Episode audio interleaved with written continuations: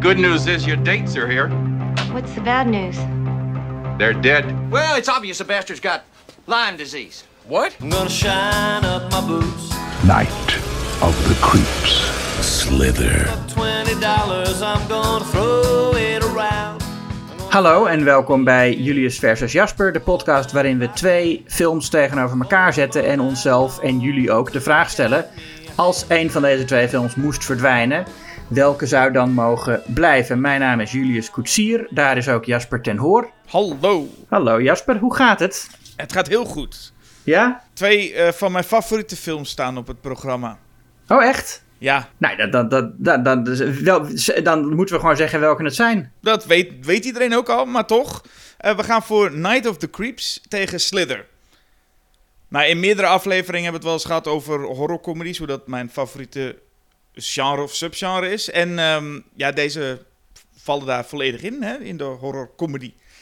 Ja, twee, eh twee horrorcomedies over eh, een soort slakken uit de ruimte die eh, in, in je gaan. Ja, ze hebben best veel raakvlakken, waarbij ik al, Ja. als je Slither googelt, volgens mij al de vraag krijgt van Google met... Is Slither een remake van Night of the Creeps? Maar ik moest dus één kiezen waar ik het voor opnemen. Maar voor jou was dat een stuk makkelijker, heb ik begrepen. Ja, ik, eh, Night of the Creeps eh, heb ik een jaar of tien geleden had ik hem voor het laatst gezien. Eh, het was een van de films die ik in mijn masterscriptie ook behandelde. Trouwens, die ging over Cronenberg, maar dan had ik, noem- noemde ik ook andere films ter vergelijking. Ehm, maar, en ik herinner me uit die tijd, toen heb ik hem dus best ook wel, eh, eh, hoe noem je dat, met een, met een, met een kritische blik eh, moeten bekijken of zo. Dat ik hem toen wel nog erg leuk vond. Maar ik zag hem vandaag, of nee, gisteren keek ik hem weer en vond ik hem, ja, toch heel erg tegenvallen. De kritische blik die je op hebt als je Julius versus Jasper doet, is nog sterker dus. Ja, ja of, of ik ben gewoon... Ja, ik weet, die film hij heeft de tand destijds gewoon niet zo goed eh, doorstaan. Maar Slither daarentegen heeft de tand destijds heel goed doorstaan. Is ook een recentere film, maar eh, desalniettemin. Over de tand destijds gesproken heb ik dus een videoband hier liggen met... eh, plot, zal ik die doen? Ja, graag. Dan eh, weten we even waar het over gaat. Ehm, en het is altijd leuk, die teksten, vind ik, op... eh, Hm. Op, op, op oude video's. Eh, daar gaan we. Waar gaat eh Night of the Creeps volgens deze videoband om? Op een Amerikaanse universiteit gebeuren plotseling hele vreemde dingen. Een professor en enkele meisjesstudenten worden op afschuwelijke wijze om het leven gebracht. Dit kan ik me eigenlijk helemaal niet herinneren wat ik wat, staat. Meisjesstudenten. Ja, een professor en enkele meisjesstudenten. Maar goed. Eh, levende doden, waaruit kleine slakachtige wezens tevoorschijn komen, vallen mensen aan. Zijn het buitenaardse wezens? Of is het de reïncarnatie van een moordende psychopaat die in deze omgeving 20 jaar geleden verdween? Inspecteur Cameron, die de zaak in handen heeft, staat voor raadsels. Maar als stuk voor stuk de gruwelijke waarheid aan het licht komt, begint de nachtmerrie pas echt. Er vallen nog vele slachtoffers voor de zaak opgelost is. Maar is de zaak wel opgelost? Een horrorfilm van de bovenste plank. Oh, nou. Eh, stond er nou echt eh, als stuk voor stuk de waarheid aan het licht komt? Eh, maar als stuk voor stuk de gruwelijke waarheid aan het licht komt, ja. Raar, raar geschreven. Ja, het- en, je- en je ziet ook in die plotomschrijving dat er moeite is om een beetje... Want ze zijn nogal vaag. Ja, het lijkt erop. Nou, voor mij hebben, dat, het lijkt erop dat ze die film ook helemaal niet hebben gezien, degene die dit schreef. Nee, nee. Ehm, en er is natuurlijk... De, de, de film Night of the Creeps heeft een hele bekende eh, tagline... die ook in de film uitgesproken wordt door eh, de, de hoofdrolspeler Tom Atkins. Dat is van... eh, the good news is... your dates are here. The bad news is... They're dead. Ja. Maar, maar de Nederlandse eh, videoband heeft ook een hele goede tagline op de voorkant staan. En daar staat... één ding is zeker... Als de creeps komen, ben je dood. Nou, dat is in elk geval iets waar de, de schrijver van die tekst dan zeker van is, ook al heeft hij de film niet gezien. En dat is dus, dat zie je in die, in die omschrijving ook een beetje. Dat de film dus moeite heeft met wat is het nou precies? Omdat ze al praten over. Ja, wat zijn het nou zombies? Zijn het nou buitenaardse wezens? Is het nou een reïncarnatie van een moordende psychopaat? En dat klopt, Nee, want dat- dat zit allemaal in, Ja. deze, eh, in deze film gestopt. Ja. En dat, en dat komt vanwege waarschijnlijk de, de, de, de maker Fred Dekker. Eh, hebben we het al eens eerder over zijn werk gehad? Eigenlijk niet, denk ik, hè? Volgens mij niet, nee. We hebben geen enkele Dekker-film eh, besproken. Meestal wordt hij in één adem genoemd met Shane Black, bij, doordat hij volgens mij aan The Predator ook heeft meegewerkt. Ik weet, volgens mij zijn, zijn regie-carrière is gewoon niet zo... Nee, ja, Monster Squad nog, die ik nooit heb gezien, maar waar veel mensen nostalgisch naar zijn. Ja, en, dan, toen, en toen maakte hij Robocop 3 en toen was, was het klaar. Oh ja, ja. Ehm, en, en The Monster Squad is een beetje hetzelfde als Night of the Creeps. Dat zijn wel twee echt liefdesbrieven aan genres waar hij vroeger van genoot. Ja, dat is heel duidelijk. Eh Night of the Creeps is dan een soort, een soort kruisbestuiving tussen de ouderwetse science fiction film uit de jaren 50 en eh, ja, de, de, de zombiefilm. Met ele- elementen van slashers ook. Ja, en ik hoor ook bij eh The Monster Squad wel mensen... Ik, het is al een tijd geleden dat ik hem ook gezien heb... dat, ehm, nou ja, zowel dat mensen er inderdaad nostalgisch naar zijn... maar ik hoor ook Goonies-achtige geluiden. We hebben natuurlijk een tijdje geleden een The Goonies tegen Hook aflevering Ja. gedaan... waar we allebei niet zo heel ehm, positief waren over die twee films. En dat het bij The Monster Squad ook mogelijk is. Dat, je, dat het toch als kind leuk is, maar nu tegenvalt. Ja, en, en hetzelfde is ook mogelijk voor Night of the Creeps volgens mij. Eh, want ik, ik, ik, dat, nou goed, ik vind de vergelijking met The Goonies dan iets te ver gaan. Maar die zie ik ook wel gemaakt worden. Hè, van een cultklassieker waarvan je gewoon niet begrijpt waarom zoveel mensen die eh, zo leuk vinden. Eh, maar ja, ik vond het vroeger zelf ook. Ik heb hem ja, toch wel best, best een paar keer gezien vroeger. Maar het is dan zo eentje die op latere leeftijd tegenvalt. Omdat je dan... Ja, ik, ik heb toch misschien een, een ander oog ontwikkeld voor ook montage en tempo en, en, en, en hoe dialogen geschreven zijn en zo. Dat, ja. Nou, oké, we, we kijken waar we tegen. Ik vind die, die eh, voor mij trekt het al meteen de juiste sfeer in bij de opening credits. Dat is een heel lekker kippenvel sfeertje krijg ik daar. Ja, Ehm, en dan begint de film met een. En dat, dit, dit had ik altijd door elkaar met de opening van Critters, die ook in hetzelfde, uit hetzelfde jaar komt. Eh, met ook een ruimteschip. Alleen, ik, ik vergeet altijd welke film had nou ook altijd weer die hele dikke E.T.-mannetjes die in een blote kont aan het rondrennen zijn. en iedere keer als ik dan Critters zie, denk ik: hé, hey, is- het is helemaal niet met, met, met, met die wezens. Maar dat is dus hier. ja. Drie van die, van die, van die mannen in naakte pakken rennen daar rond. Ehm, Mannen in naakte pakken. in, in naakte E.T. pakken. Ja. Ja, het zijn boze. Ze hebben ook maar allemaal één gezichtsuitdrukking, hè, die aliens. Het zijn niet echt de meest eh, fantastische effecten. Nee, en toch zijn er, zijn er blijkbaar twee achter eentje aan het aangaan, want die heeft iets stouts gedaan. Heeft een experiment gestolen. Ja. Hey, en die komt terecht op aarde in de jaren 50. Ja, zwart-wit. Ja, en dan zijn we toch helemaal terug in, in, in The Blob. Ja, en dit vind ik ook nog wel een lekker sfeervol eh, stukje ook. Ja, een, eh, een, een meisje die met haar eh, vriendje naar de sterren aan het kijken is. Er stort iets neer. Hij gaat op zoek naar wat het is. Ze gaan op zoek naar wat het is, maar alleen hier is dan nog een extra ding toegevoegd. Met dat er een, op de radio horen ze dat er een moordenaar uit het gekkenhuis is ontsnapt. Ja, en die, ik vergeet altijd dat die dan ook echt komt. Dat dat ook echt een rol speelt in het, eh, in het verhaal. Ja, het voelt als twee films. Dat je denkt, welke kant wil je op? Wat Ja. gek dat je ineens naar, naar een moordenaar met een bijl gaat. En dan wordt er nog iets zoiets geïnteresseerd als die slakken. Ja. Die kruipen bij, één, eh, bij die jongen in zijn mond. En de dame wordt dan, krijgt een bijl in de, eh, in de asses. En dan... Ik, vind het wel, ik moet zeggen dat ik de finale van, de, van die proloog eh, een beetje mager vind. Want je ziet niet echt wat er met die man gebeurt. En je ziet ook helemaal niet wat er met haar gebeurt. Nee, dat, maar dat komt nog.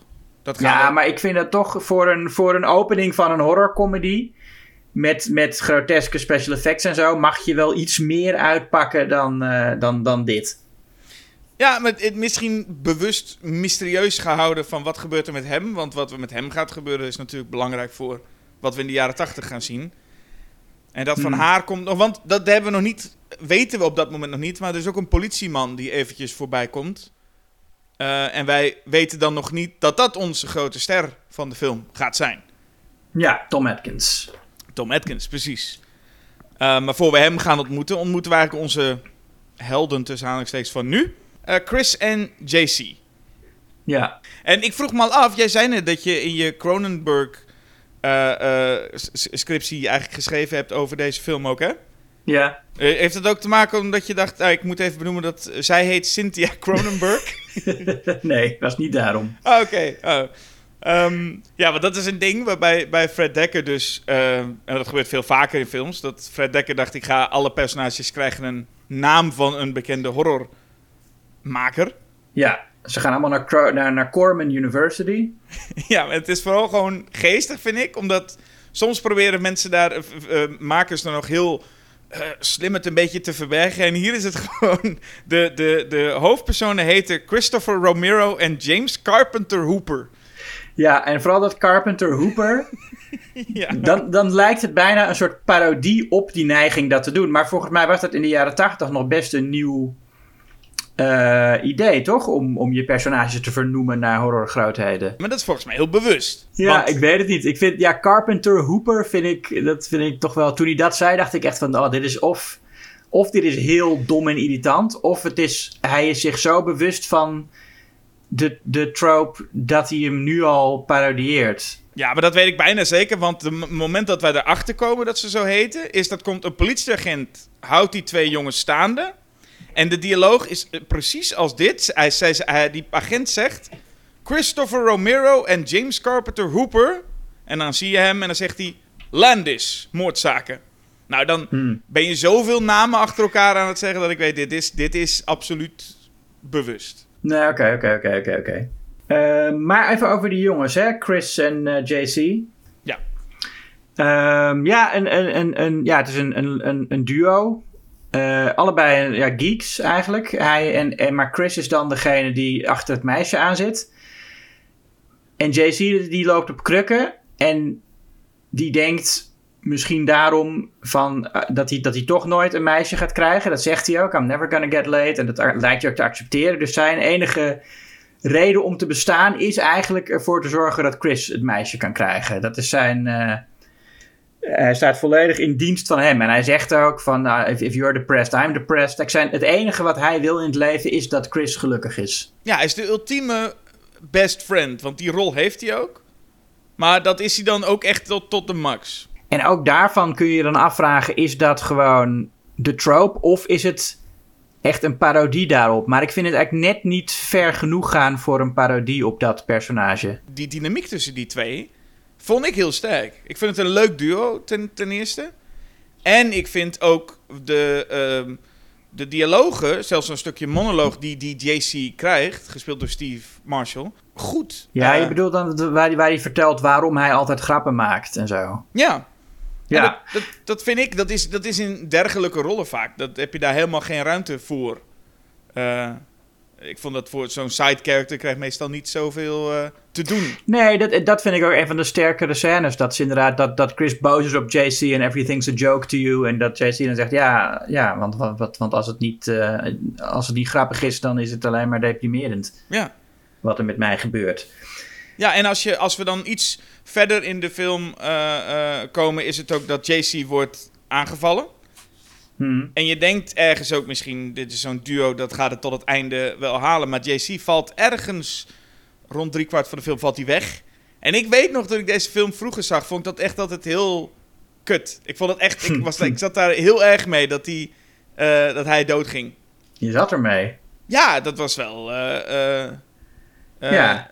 Ah. ik, vond, ik vond dat wel altijd echt heel sad. Dan dacht ik, oh nee, dit, is- dit was zo'n leuk duo. En nu, nu is hij dan weg. En ze doen het ook best emotioneel. Want hij laat een tape achter Hm. eh, eh, voor Chris. En ook als Chris later dan naar Tom Atkins gaat om te vertellen dat hij dood is. Ze spelen het wel vrij oprecht. Het is, dat wordt niet met een grap afgedaan.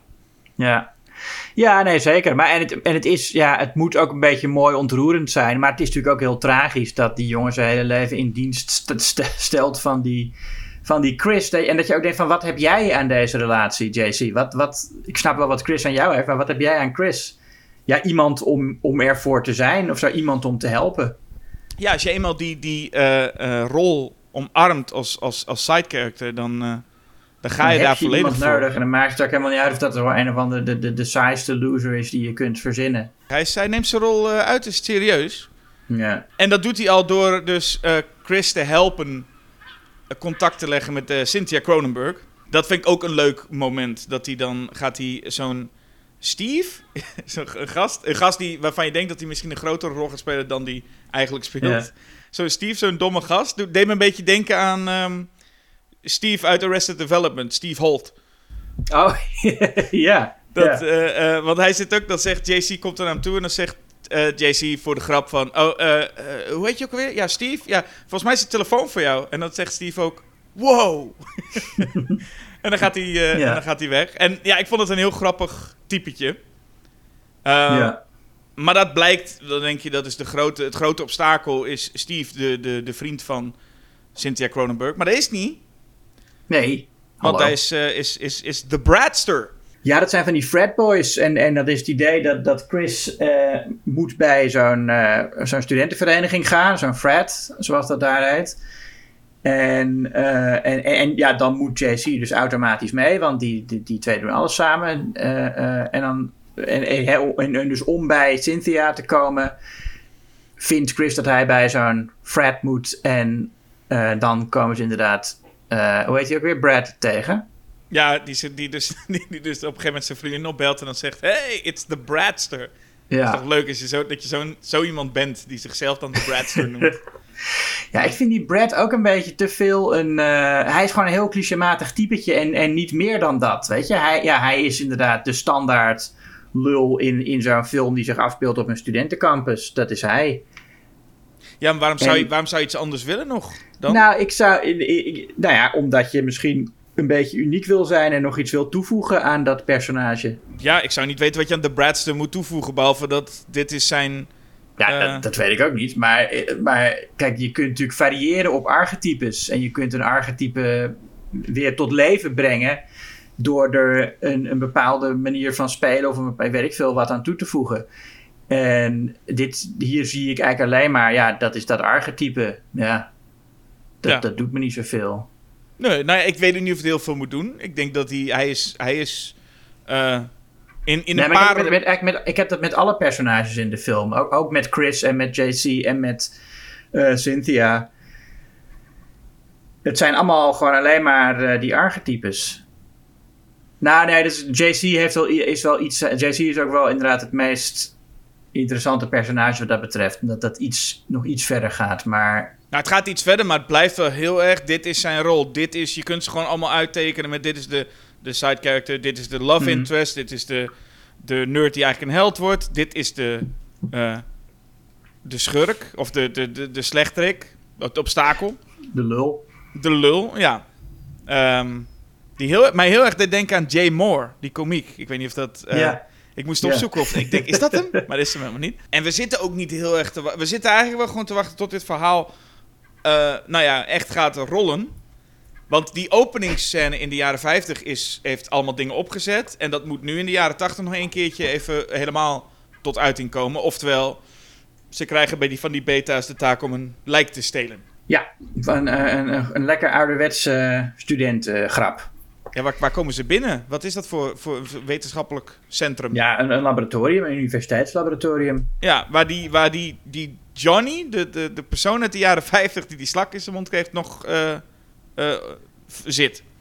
Ja, ingevroren en eh, cryogenisch, zeg je dat zo in het Nederlands? Cryogenic, nou ja, Ja. zit, zit hij daar vast. Ehm, ja, en ik vind dat, dat is op dat moment wel welkom, want ik vind dat de film wel echt te lang in, het, in- in- te lang in, in de middelmatige studentencomedy blijft hangen. Ja? Oh, dat, is, dat is toch niet, dit is natuurlijk niet zo lang allemaal? Nou, misschien niet zo lang. De film is zelf ook maar, maar onder de 90 minuten. Maar, eh, maar wel te lang. Nou, ik vind het gewoon niet goed genoeg. Dat is een ander woord voor te lang. het, is gewoon, het is gewoon niet goed genoeg. Ik vind dat het nog vrij, vrij rap gaat. Want het gaat van, Hmm. van oké, we moeten dit doen. We moeten lijk stelen. Hoppakee, we gaan een lijk stelen. Toch? Dus het, is, het gaat Ja, niet... nee maar, nee, maar kijk, je hebt, het begint met. Nou ja, het- ik vind het ook gewoon een beetje irritant. Ja, die dialogen. Het is zo. eh, eh, de dialogen voordat ze daar naartoe gaan. zijn allemaal zo eh, typisch jaren tachtig film. En ik probeer dus steeds te bedenken: is dat een, een parodie op wat bijvoorbeeld John Hughes schreef? Of is dat gewoon een oprechte poging om ook zoiets te doen? En ik, maar ik, ik vermoed steeds dat Fred Dekker niet subtiel genoeg is. Dat het, al- als hij het zou willen parodiëren, dat hij dan nog meer over de top zou gaan. En dat hij gewoon met die, met die dialoogjes van, van die personages gewoon. Ja, niet, en niet per se een realistische wereld wil neerzetten, maar wel gewoon oprecht. eh, wil dat het grappig is zoals het is. En, en, dat het, en, en dat die personages zijn zoals ze zijn. En niet dat hij daarmee bepaalde clichés eh, belachelijk maakt. Maar maakt het antwoord eigenlijk uit voor hoe je Nou, er naar kijkt? Want stel dat je nu ontdekt dat Fred Dekker het of wel serieus bedoelde zo, of niet. Mhm. Kijk je dan anders naar de film? Dan zou ik wel wat meer bewondering hebben voor. Nou, neem bijvoorbeeld deze regel. Hè. Dan, dan is Chris is met bewondering naar Cynthia aan het kijken. En dan vraagt hij: wat, wat kan ik nou doen? En dan zegt JC: You can always stand there and not do anything. Kidding, joke, levity, humor. Ja. En en al- al- als dat een, een bewuste parodie is op die schrijfstijl, dan vind ik het. Heb ik daar meer eh, bewondering voor dan als het een oprecht voorbeeld is van die schrijfstijl. Ja. Hierin vind ik dat zo'n JC, het past wel bij hem om dit soort dingen te gaan roepen. Ja. En hetzelfde geldt een beetje voor waar we zo op komen bij meneer eh, eh, Detective Cameron. ja, god, maar dat, dat vind ik ook. Maar daar komen we nog wel waarom ik dat vervelend vind. Ja, dat mag, dat mag. Maar Eh, oké, nou, wat, nou- wat ik nog, e- ik wil nog even een, een detail opmerken over, dat, over die zin die ik net zei. Hè? Ja. You, can always just stand there and not do anything. En dan lijkt het alsof Chris boos naar JC gekeken heeft. En dat JC dan zegt: kidding, joke, levity, humor. Maar dat zie je allemaal helemaal niet. Want op het moment dat die zin uitgesproken wordt, is, het, is de camera op Cynthia. Dus al die tekst die ik net zei, die wordt uitgesproken terwijl we Cynthia zien. ja. En dat, nou ja, ik had het net al over dat, ik, dat mijn oog voor montage misschien iets anders is geworden in de afgelopen eh, tien jaar. En dat, dat, dat, dat soort dingen vind ik dan raar geknipt. Je- Waarom daar, je zou dan toch een reactieshot van Chris op die dialoog verwachten. En later heb je ook nog een, een shot waarin Cynthia, in, eh, een close-up van Cynthia, en dan begint, het, begint de fade-out naar een ander shot. En- Maar dan is zij nog aan het praten. En dan hoor je dan niet. Maar dan zie je nog gewoon de mond bewegen terwijl het shot wegveet. ja, Nou ja, dat soort details vielen mij dit keer op. oké. Die me eerder nooit zo opgevallen waren. Ja, En, en ja, goed, daaraan zie je dat het, dat het nog ja, dat het heel amateuristisch is. Want het is niet iets wat je dan. Het is niet expres gedaan dat hij ervoor kiest om. eh, weet je wel, dat, dat, hij, ja, dat, hij, dat het een bewuste keuze is. Dus dat is, gewoon- je ziet dat Fred Dekker gewoon eh, nog een, een beginnende filmmaker was. Sure, maar ik vind het altijd wel dat het bij een film moet passen. En dit soort dingen passen, wat mij betreft, wel bij deze film. Hmm. Ik bedoel, het is, het is eh, licht houtje touwtje. Sommige effecten zijn oké trouwens, maar er zitten heel wat dingen in. oh, Eh, zeker, ja. Als er een slak uit een kat of een hond zijn gezicht komt, dan ziet dat er best knullig uit. Ja, maar dat, vind, dat is op een charmantere manier knullig. Ik bedoel, Jawel, en alleen iets- ik vind dat, dat als iets net, net, net niet helemaal lekker geknipt is, vind ik dat in zulke films altijd nooit zo heel erg. Kijk, als, als Hmm. stel, om even een heel extreem voorbeeld te noemen, stel je hebt, eh, dit zou in Tenet zitten van, van Christopher Nolan. Dan zou ik daar heel erg mee zitten, omdat ik denk, hier is iemand die heel erg strak eh, eh, alles heel netjes wil hebben. Maar Night of the Creeps, nou, maar in The Evil Dead heb je dat niet. nou, The Evil Dead is absoluut niet vlekkeloos wat betreft... eh, eh, Nee, maar niet, niet dit soort dingen. Evil Dead heeft niet een scène waarin je gewoon een reactieshot mist of zo. Of, of dat soort, dat, dat zie je niet in. En ook, en, ook, en ook bij de vroege films van Peter Jackson zie je dat niet. En bij eh, eh, Night of the Living Dead niet. Dus nee, ik vind het wel echt iets anders. Oké, laten we dan naar de, de, de, de Knight in Shining Armor gaan. Althans, Ja. eh, daar is hij, Tom Atkins. Mhm. Met zijn witte pak zit hij op het strand uit de kokosnoot te drinken. En je denkt toch bij jezelf, hier is echt een, eh, hier, hier is toch eh, een James Bond verloren gegaan, hè? ja. Ja, dat had gemoeten.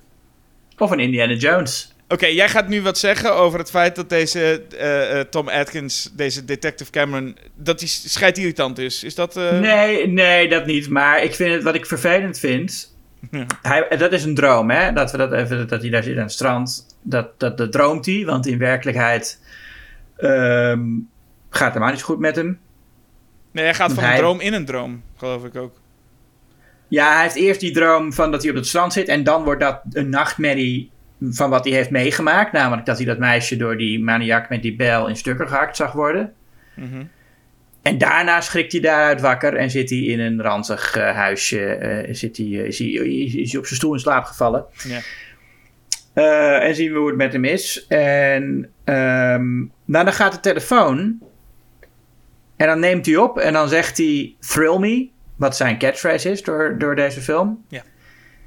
En dan vraagt iemand eh, Detective Cameron. En dan zegt hij No, both are the clown.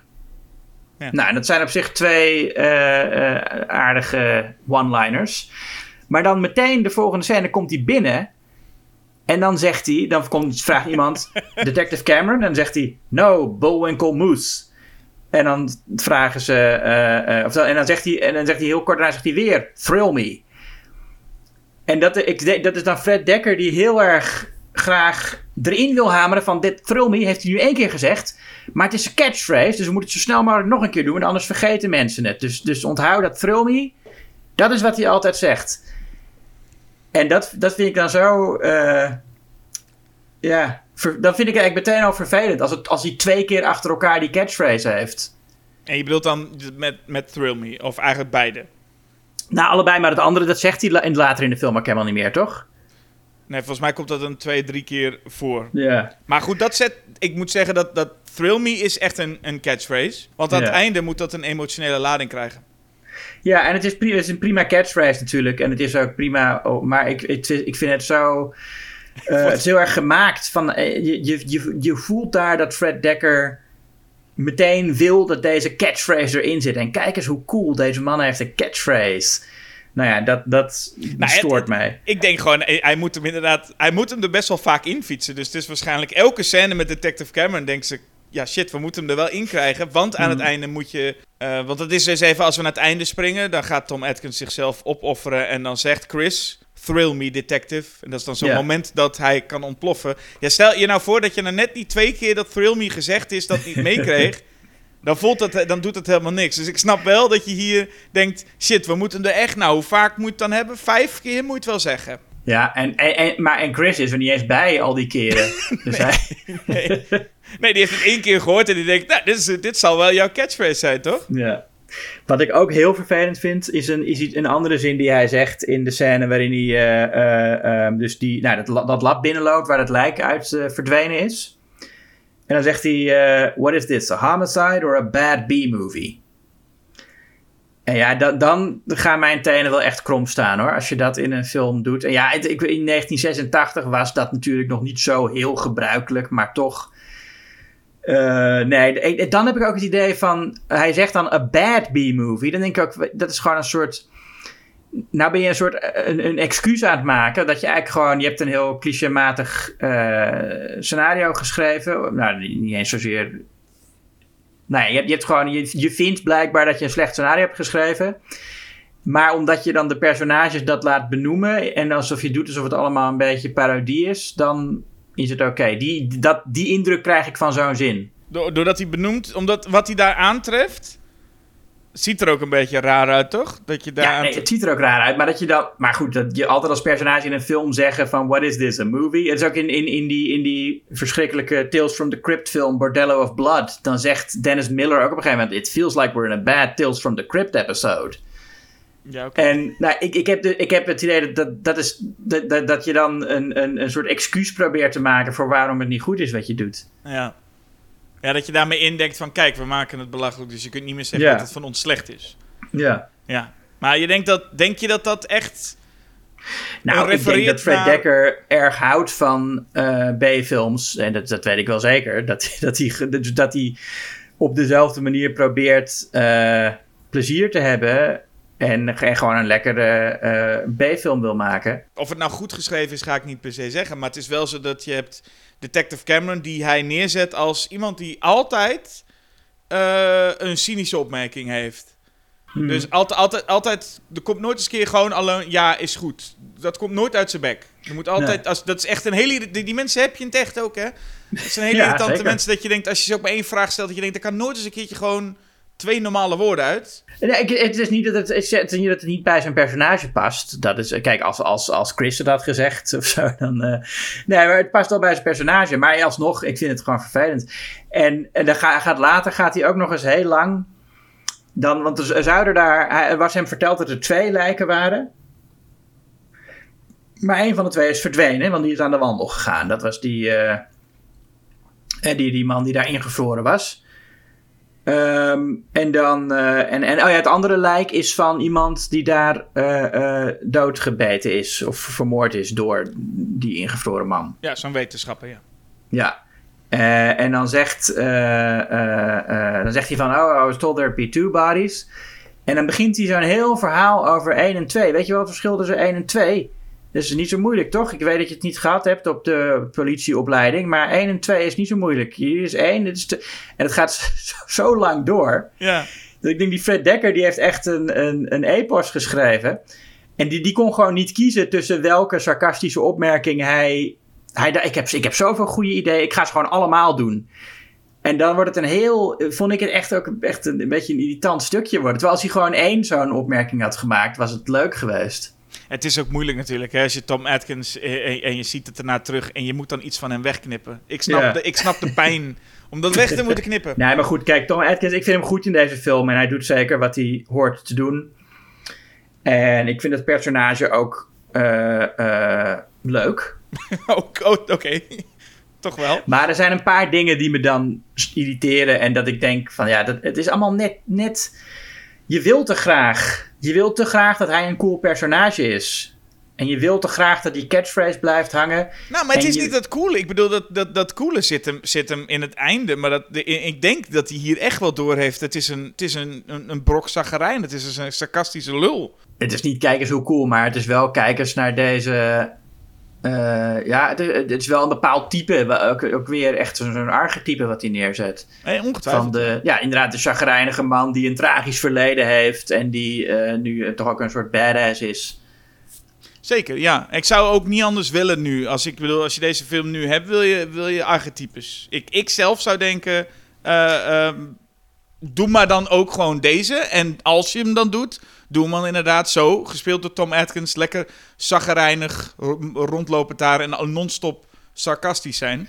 Nou, eh, maar ik, ben het met je eens dat er, dat er... Er is niks mis met archetypes. En die wil je ook zeker in deze film. Maar wat ik net al zeg, je kunt nog iets interessants doen met een archetype. Waardoor het niet alleen maar het skelet is. Weet je wel? Waardoor er nog... En, en, en Tom Atkins doet dat. Die speelt dat mooi. Maar bijvoorbeeld die, die Brad... En het kan ook puur aan de acteur liggen. En die heeft natuurlijk ook een veel kleinere rol. Maar goed, dus maar ik vind van Chris vind ik dat ook. Die is ook gewoon ja, de, de archetype geek die uiteindelijk eh, het meisje krijgt. Omdat hij dan toch iets heldhaftigs doet. Ja, Ja, want als je goed kijkt naar, naar Brad, is bijvoorbeeld wel een type. Hij, hij, ik denk als je Brad's zinnen en dialogen eh, en, en, en scènes optelt, ik denk dat je echt maar een, een, nou, dat je ze op één hand kan tellen. Ik ben dan blij dat ze inderdaad dat we juist met zo'n archetype te maken hebben. En hij heeft maar drie zinnen, zodat we even weten: oké, dit is hem. Stel dat hij dat niet zou doen, of we zouden een veel genuanceerder beeld krijgen, of net iets leukers erbij, dan, dan Ja, komt dan ik- helemaal niet uit de verf in de tijd dat we met hem hebben. Nee, maar ik bedoel ook helemaal niet dat het per se een genuanceerder of menselijker personage moet zijn. Ik bedoel gewoon dat het iets. dat ik het leuk zou vinden als het. Als het het archetype is plus nog. eh, dat het in, gewoon in, in, in, de, in de performance of. dat het gewoon net iets afwijkt van. weet je, dat het een memorabel archetype is. Oké. Dat, en dat, heb- maar goed, de Brad is dan één voorbeeld daarvan. Maar ik vind, vind dat ook gelden voor Chris en voor Cynthia.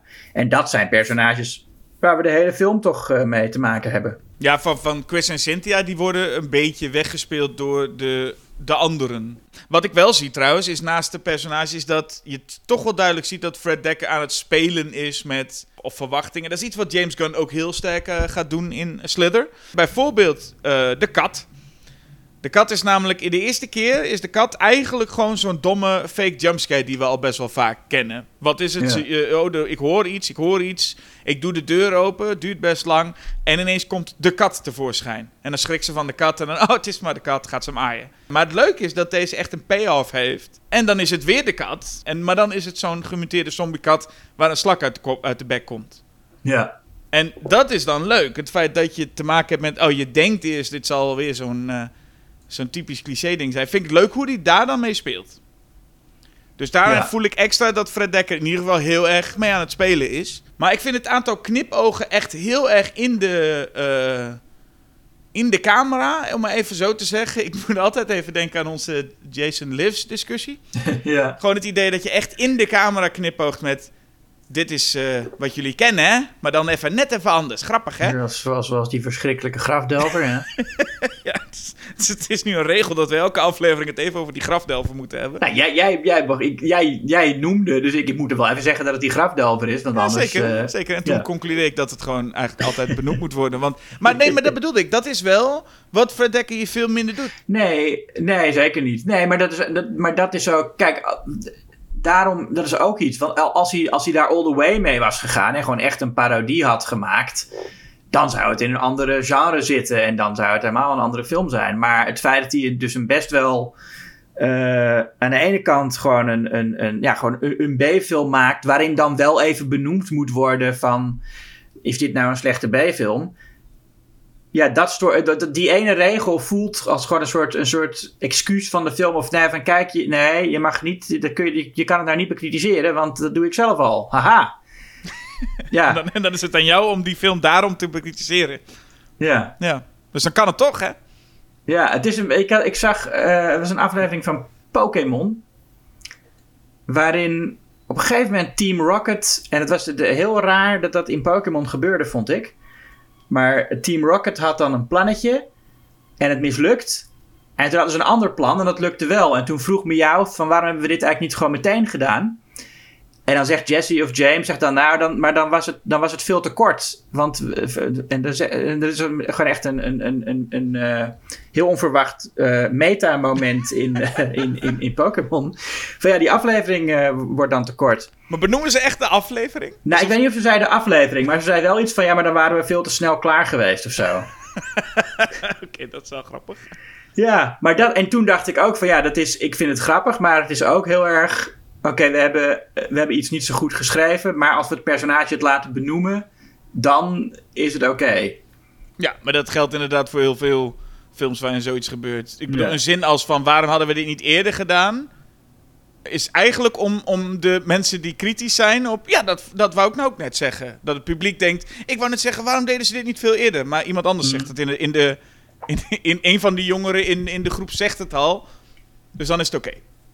Ja, maar dan moet je daar wel een goed antwoord op hebben natuurlijk. Dat, Ja, dat je wel de reden hebt van eh, waarom... Ja, Zoals, ik moet nou opeens weer denken aan. eh, ik ga heel erg afdwalen. Dat ik, ik, zat, ik heb gisteren eh, Mission Impossible Ghost Protocol gekeken.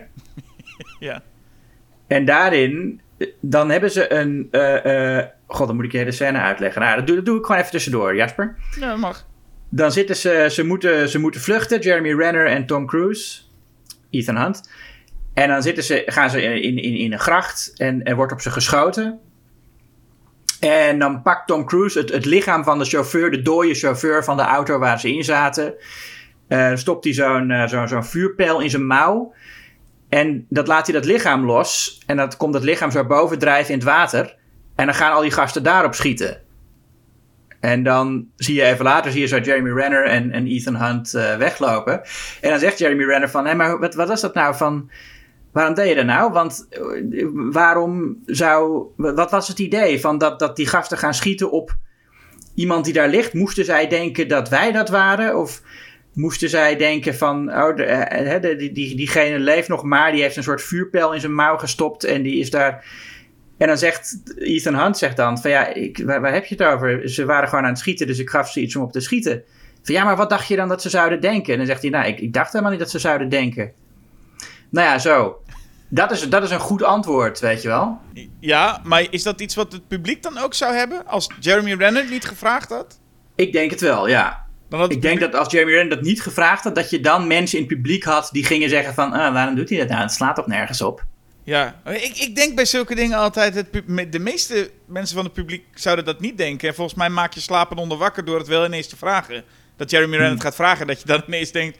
Ja, verrekken, nu, nu het zo zegt. Waarom doe je dat Ja, dan? maar, nou ja, goed, maar dan geeft Ethan Hunt gewoon meteen dat antwoord, dus dan ben je klaar. Ja, sure. Eh, terug naar, eh naar the Creeps. Oh ja, het zijn zombies? Ja, je zult mensen hebben die zeggen van het zijn geen zombies, want het zijn geen levende doden. Maar Het zijn, het zijn, wij vinden dat dat gewoon zombies zijn. Als in, je denkt dat ze nog leven? Dus het zijn... Nou ja, dat, nou ja, ik weet het niet. Ze zijn, zijn ze dood? Ik ga een klein beetje uit van als een slak in je zit, ben je dood. Nou, JC die kan nog genoeg nadenken met die slak in zich... om te weten dat, die, dat het de verkeerde kant op gaat... en dat hij zichzelf in de fik moet steken. Hmm. Ja, maar dan moet hij dan wel met... Dus ik, ik heb ergens het gevoel dat er echt een tijdslimiet op zit. Dat zegt hij ook. Hij moet Nou, op dan- een gegeven moment heeft die slakje overgenomen. Precies, ja. En dan, maar ja, dan, maar goed, dat is net zoals met het virus in 28 Days Later. Eh, hè, dan, de, ja, ben je dan dood? Of, maar goed, dat is nogmaals, dat, die mensen gedragen zich als zombies. Dat is de functie die ze hebben in de film. Dus het Ja. zijn gewoon zombies. Ik Ja. ga er heel sterk vanuit dat als een slak je eenmaal overgenomen heeft, ben je ook gewoon... Ben je enkel nog een voertuig voor de slak. ja, zo. Ehm, en eh, dat gebeurt. Nou ja, in, in, eerste, in eerste instantie vooral eh, de Bradster. Maar de- het is niet alleen de Bradster, want er komt een hele bus met studenten. Rijdt Brian een hond aan en, en, en verongelukt dan. En het is heel gek, maar je hebt een moment, het is echt een heel raar dingetje, dat die eh, vlak voordat ze verongelukken, dan ploppen de ogen van de buschauffeur uit zijn hoofd. ja. En het is echt maar een paar frames, maar ik vond het heel gek. Ja, want ze hebben gewoon helemaal zo'n nephoofd moeten bouwen voor, voor dat minishot. Voor, voor een soort van tekenfilm-effect van dat hij zijn ogen eruit... Het is niet alsof die... Dat komt door de slakken of zombies. Het is gewoon een, een mens die schrikt en dan springen zijn Ja. ogen eruit. Dat, ik vind dat vind ik wel leuk. Dat vond ik echt een van de weinige momenten dat ik dacht: oh, dit is nou een, een ja, echt iets eigens of zo. En dat ze de moeite hebben genomen dat, dat nephoofd helemaal te maken. Ja, het is, maar het is ook gewoon heel willekeurig geplaatst. Ineens krijgen we deze, deze vorm van humor. Ja. Er zit ook nog een moment in, wat ik, wat ik wel erg vind. Eh, dan, is, dan is Brad nog in leven.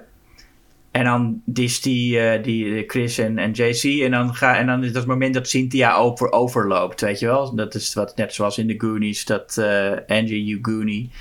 eh, dat zij hun verdedigt. Ja. En dan gaat ze de middelvinger naar hem opsteken. Waar ze ook heel lang over doet. Want ze doet dat zo dat ze hem zo gaat... eh, hoe, hoe noem je dat? Met zo'n... Alsof ze een katrol aan het oprollen is. Ja, Ze houdt ze eerst doet ze zo de vuist omhoog. En ze kijkt en dan doet ze zo heel voorzichtig... Gaat zo die middelvinger omhoog. Ja. En dan eh, krijgt ze applaus. En dat, dat vond ik zo grappig. Want het is... Er zijn gewoon iets van drie mensen... Die dan beginnen te klappen. Dus het is ook een heel lullig applaus. wil je een groter ge- gepaar als je Nee, dat maar dat, is, dat was ook weer zo'n moment dat ik dacht...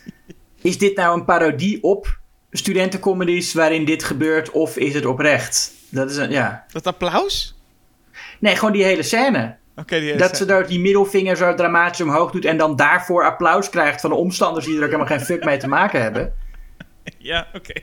Ja, Nou ja, is dat nou een parodie op dat moment... of is dat gewoon dat moment? Oké. je, hebt, je hebt echt op zulke kleine details nu dat... Nou, eh, ik vind het helemaal geen detail. Het is toch een dramatische scène? Nee joh, dit is helemaal geen dramatische scène. Hoe, hoe, hoe, Het is toch een grote, gebe- het is toch een grote gebeurtenis in het leven van onze protagonisten... dat zij Dat Cynthia Cronenberg de middelvinger opsteekt? Nee, dit is een... Dit is een moment dat zij overloopt van Brad naar, naar Chris. Kom op, dit is, de, dit is de romantische speel waar de hele film om draait. Is haar relatie met Chris. Dit is daar een belangrijk keerpunt. Nou, nou, nou, nou. Ja, in haar ontwikkeling. Kijk, als, als ik die film serieus neem, dan wil ik ook gewoon die, die relatie serieus kunnen nemen. En, en, en, en daar, dit is gewoon een belangrijk keerpunt in, eh, in, in, hun, eh, in haar ontwikkeling. Ja, heb ik net al gezegd. Eh, het had meer kunnen zijn. Ja, bijvoorbeeld in Braindead vind ik dat het al. vind ik het memorabeler in elk geval. Goede brug misschien, want eh, ik heb het idee dat Peter Jackson heel erg naar deze film heeft gekeken. Het einde is een soort feestje en dan zitten twee personages op een gegeven moment ook opgesloten in een houthok waar zombies doorheen breken. En dan komt Chris eruit en beschermt zijn geliefde met een grasmaaier. Ja. En komt, daarna komen ze ook nog erachter dat eigenlijk in de kelder het grotere, eh, een groter ding zit. En dat alles, deed, dat was zo heel erg braindead. Ja, nou ja, goed op zich. Je kan, je kan nog ook. Ja, een grasmaaier om zombies te vermaden is ook weer niet zo'n bijzondere fonds natuurlijk. Nee, maar ik bedoelde ook niet alleen de grasmaaier. Ik bedoel Maar ook, eigenlijk... ja, nee, ding in de kelder. Nee, maar goed, het idee van, het idee van oh, er is nog een groter monster dat eigenlijk, er, dat is toch ook al een heel uitgegeven. Nee, ja, maar het zit hier bij een feestje echt letterlijk in de kelder. Dus het is ja, nee, het- tuurlijk, tuurlijk, tuurlijk. eh, Ja. ook, eh, al zouden het toevalligheden. Al zou het puur toevallig zijn, dan zou ik bij deze zeggen... Het is puur toevallig, maar het lijkt heel erg op Braindead. ja. Ja, en Tom Atkins heeft dan ook zijn, zijn, zijn goede... Heb, wat vond je van die one-liner? Is dat, daar kun je daar nog iets negatiefs over zeggen? Als hij zegt, hey, eh, het goed nieuws is, jullie dates zijn er. Ja, dat, dat vind ik prima. Oh, prima. Het is toch prachtig? ja, dat is toch mooi? Nee, ik bedoel, ik weet dat het uitgekoud is en dat iedereen die, die, die one-liner nou wel kent. Maar het is toch... Dit ja, is het toch... is misschien ook een beetje door alle herhalingen en ook door het feit dat het ook de tagline is. Maar dat is inderdaad een goede, een goede one-liner, ja. Ja. Of eigenlijk two-liner, want, zij, want het meisje vraagt dan nog, what's the bad news? ja, het is een, het is een, het is een dialoogje. Ja, ja, ja. Nou, en dan, eh, eh, wat we al zeiden, t- Tom Atkins die eh, blaast zichzelf op.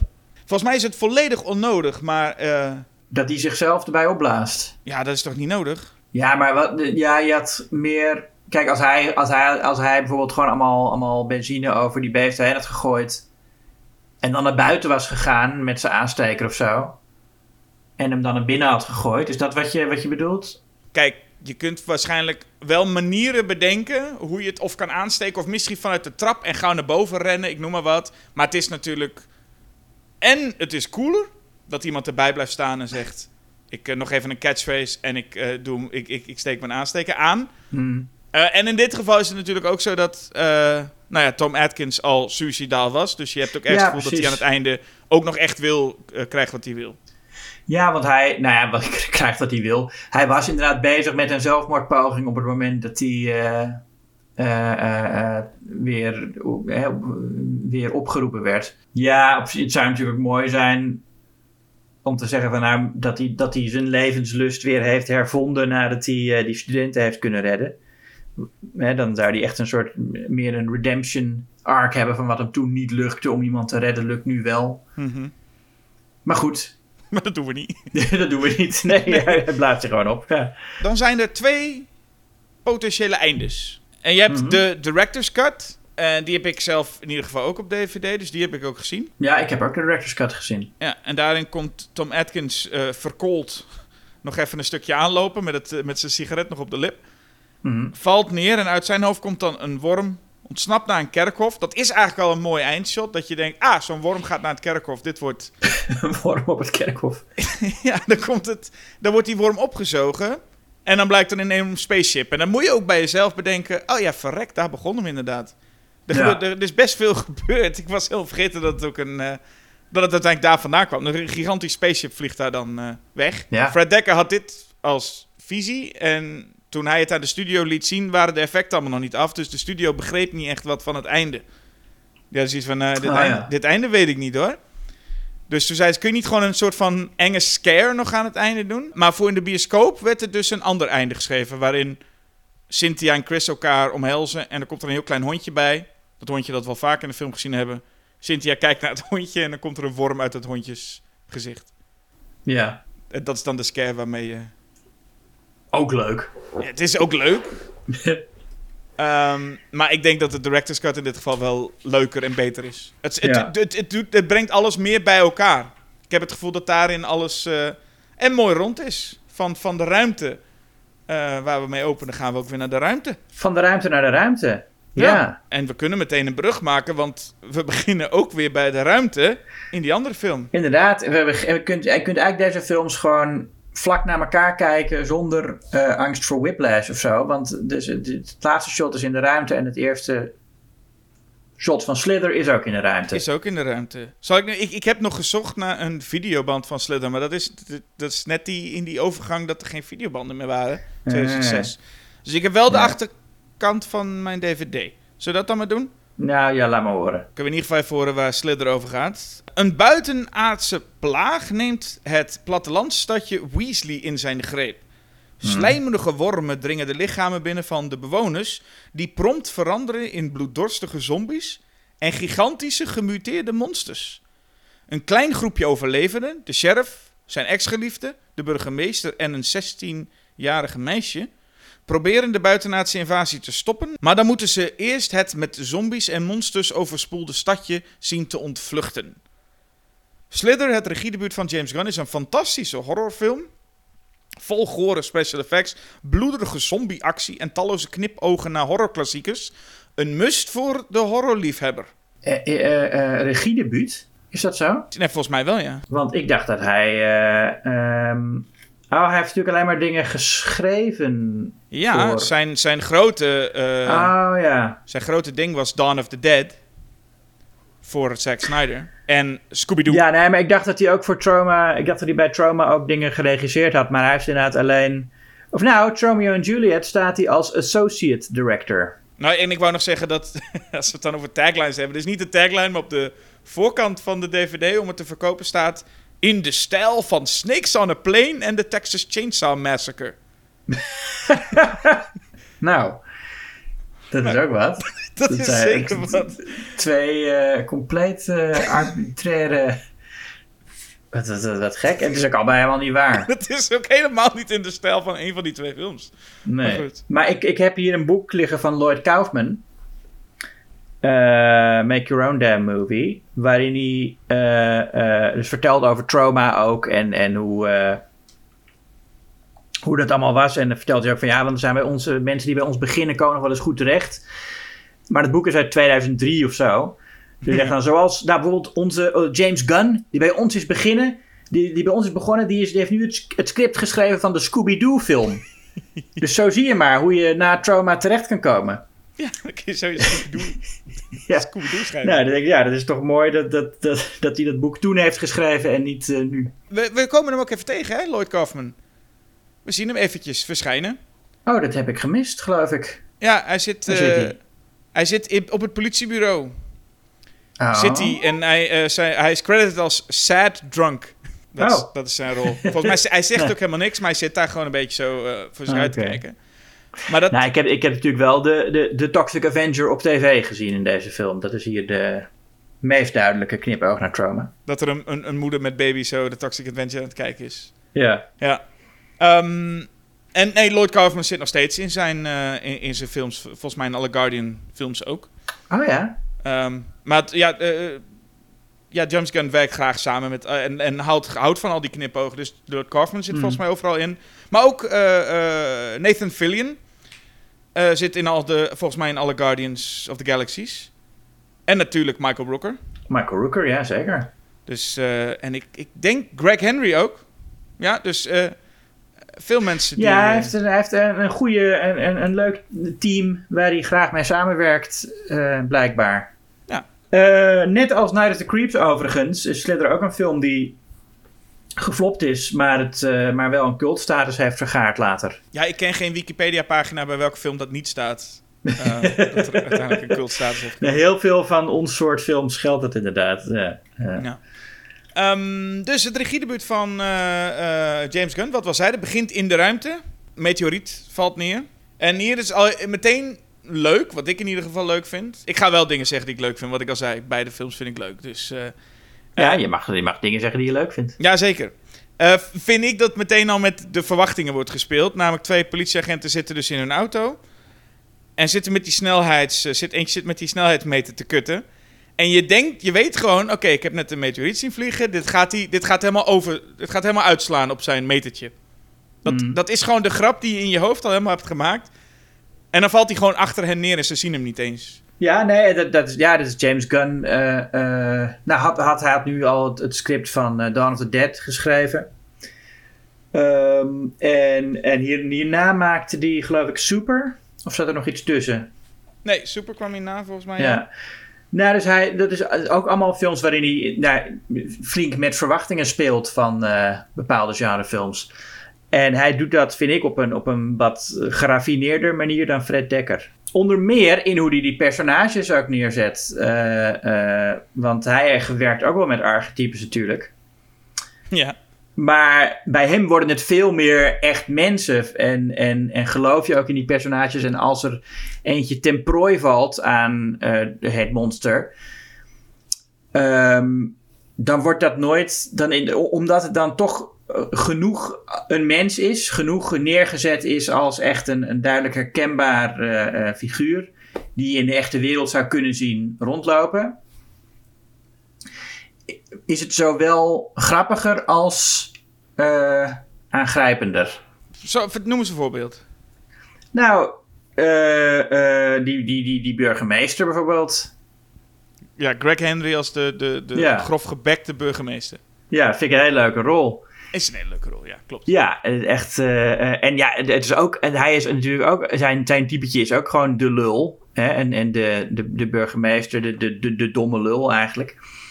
Maar ehm, ja, Greg Henry speelt dat op zijn manier en maakt hem toch ook iemand waarvan je, die eigenlijk van waarvan je denkt, die, kan ik, die zou ik eigenlijk tegen kunnen komen.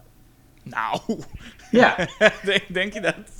Ik, nou, meer dan bij, bij de figuren in Night of the Creeps, denk je bij deze types, ik zou ze zo tegen kunnen komen. Ja, ik denk dat ik wel Craig Henry, als ik, als ik s s'avonds in een café zit of zo, dan eh, hoor ik wel eens iemand die, waarvan ik, ja, die, die, waar- waarbij ik die gedachte heb. Ja. Ja, maar de grap is, ik bedoel, de grap is meteen als we Greg Henry als burgemeester leren kennen, is meteen, hij zit in zo'n klein stadje, is hij de burgemeester van, hij zit meteen gigantisch te vloeken en te schelden op iemand die voor hem Ja. staat. En dan ziet hij opzij van dat, dat er een moeder en zijn dochter en, en haar dochter aan het kijken zijn. En dan gaat hij zo heel lief zwaaien. ja. Ja, nee, ik snap wel dat dit soort types je kent, maar niet dat ze burgemeester zijn. Over het algemeen. Nou, je zou Femke Halsema eens moeten horen als ze in het verkeer vastzit. Ja, en, en ik zou het dan ook willen zien, want dat vind ik echt een van de leukste momenten, is dat die burgemeester... Het is een beetje de Jaws-burgemeester ook, hè? Want Ja, hij wil ja. toch een beetje het, het doen alsof het allemaal eh, eh, niet zoveel is. Dus er is dat ene moment, echt midden in de film, dat dan is er een heel groot monster geweest. En dan zegt iemand van, ja, ja zijn arm die boog echt alle kanten op. En dan zegt die burgemeester van, nou, dan heeft hij dus de ziekte van Lyme.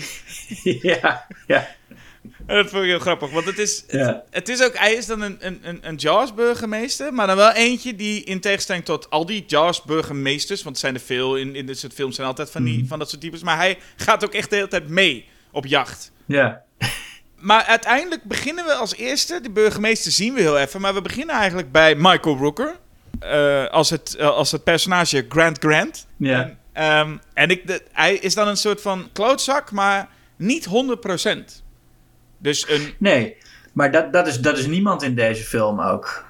Nou, ik, nee. Ja, wel, Greg Henry is niet... Ik, ik weet niet hoeveel sympathieke Nee. momenten die krijgt.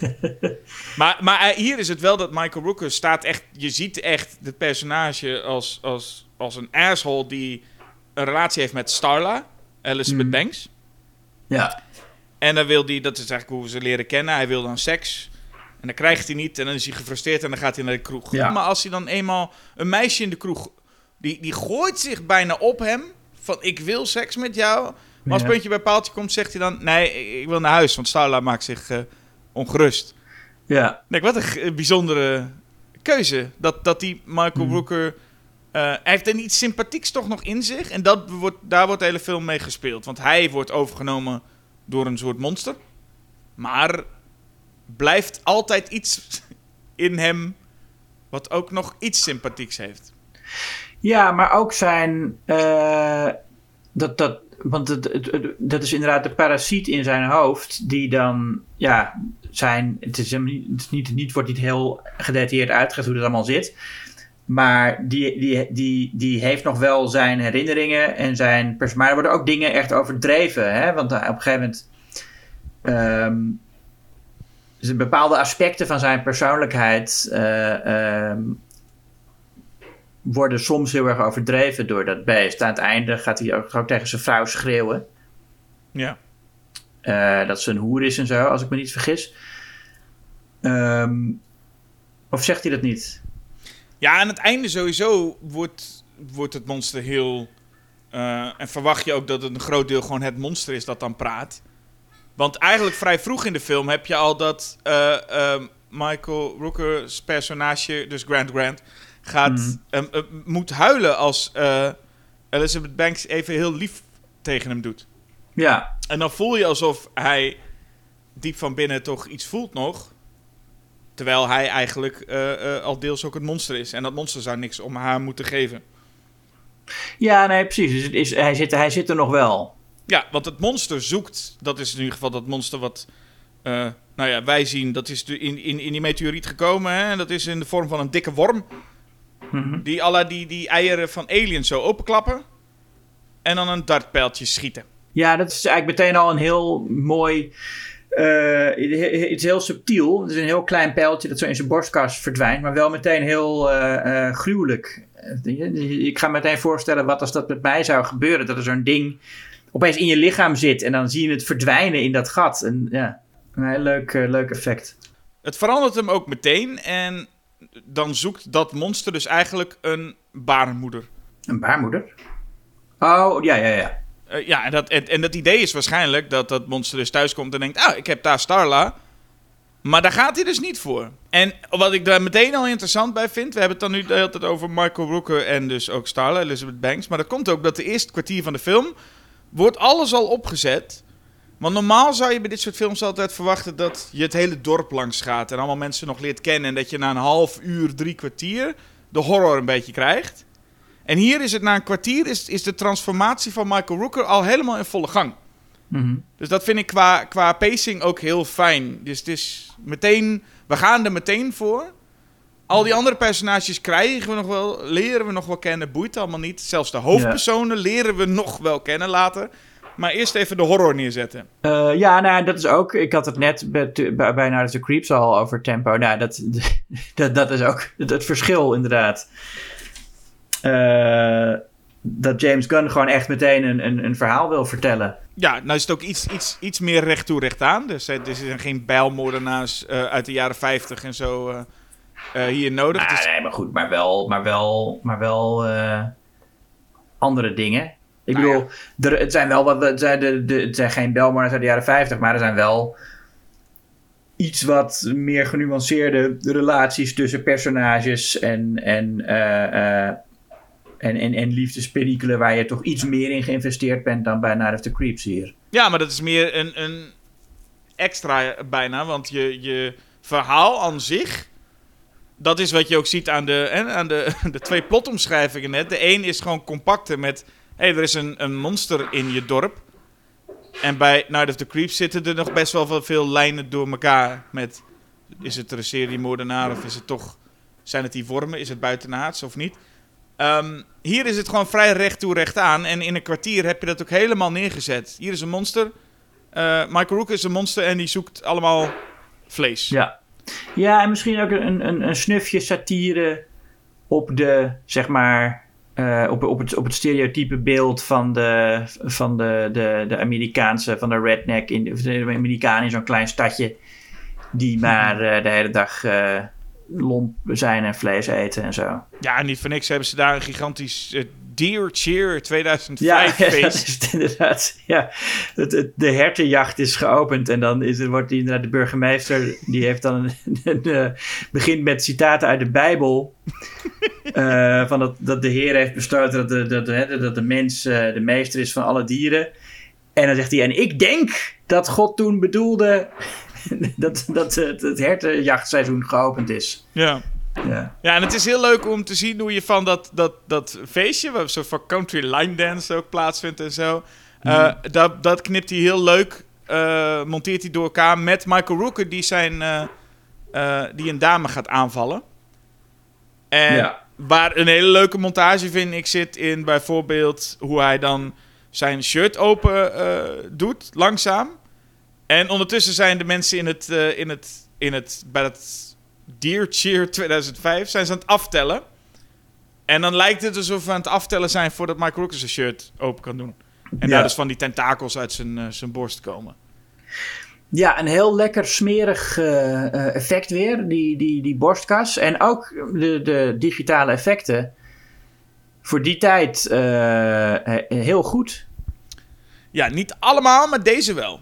De, ja, de, ja, later komen we bij mindere dingen. Maar dit vond ik er echt fantastisch uitzien voor 2006. Ja, dit ziet er goed uit. En dit is ook volgens mij grotendeels een, een, een, een- nog echt een nou ja, perfecte combinatie eigenlijk van Ja. practical en, en CG.